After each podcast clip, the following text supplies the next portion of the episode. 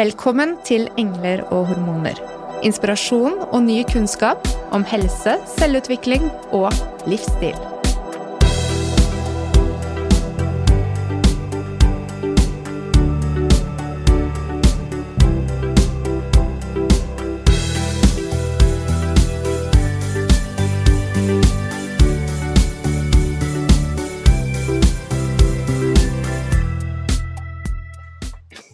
Hei, Ingvild! Hei, Mona! Koselig å se deg. I like måte. Hvordan går det? Det går helt greit. Ja. Vil du fortelle mer om det? Hvis du har tid. Jeg tar meg tid til det. Det er jeg veldig glad for. Nå føler jeg meg anerkjent og sett, og at jeg kan stole på deg, at du vil lytte til meg.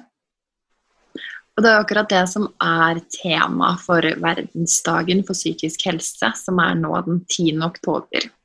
Spør mer, og tema for verdensdagen 2019 var gi tid. Og i tillegg så kan vi kanskje også få mer kunnskap om hva som ligger innenfor psykisk helse, og hva de som er nær oss, faktisk kanskje har utfordringer med. Mm. Derfor så skal vi løfte frem et knippe episoder fra vårt bibliotek som fokuserer på ulike aspekter av psykisk helse. Ja, og av livet. Altså, jeg tenker jo alle vil jo oppleve gode og dårligere dager. Um, vi har tatt frem f.eks. Uh, episoder som handler om å være kreftoverlevende og oppleve sen senskader ved kreftbehandling.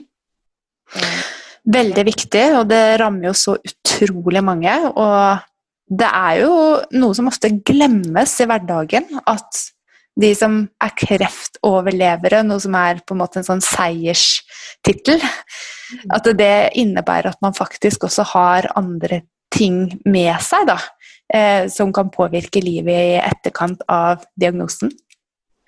Absolutt. Og så har vi jo også lyst til å løfte fram en episode om overgrep, som også rammer ganske mange.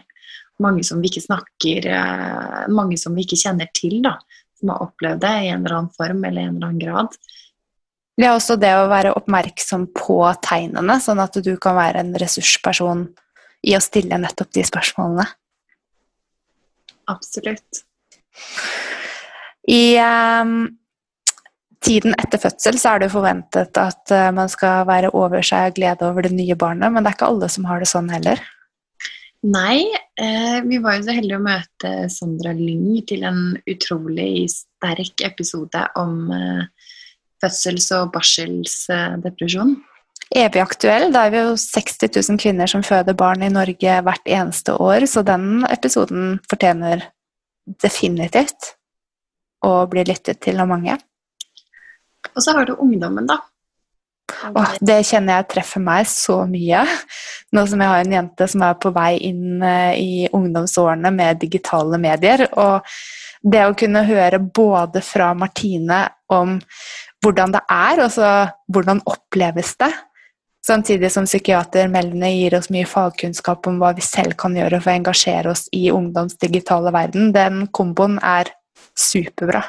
Ja, veldig. Jeg gleder meg, jeg, Mona. I like måte tid og dype og gode samtaler sammen med deg.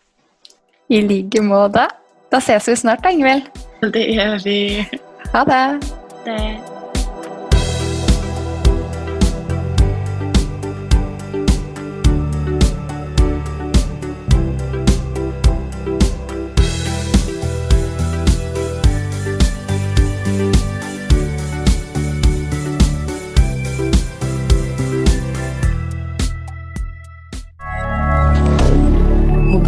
Canada.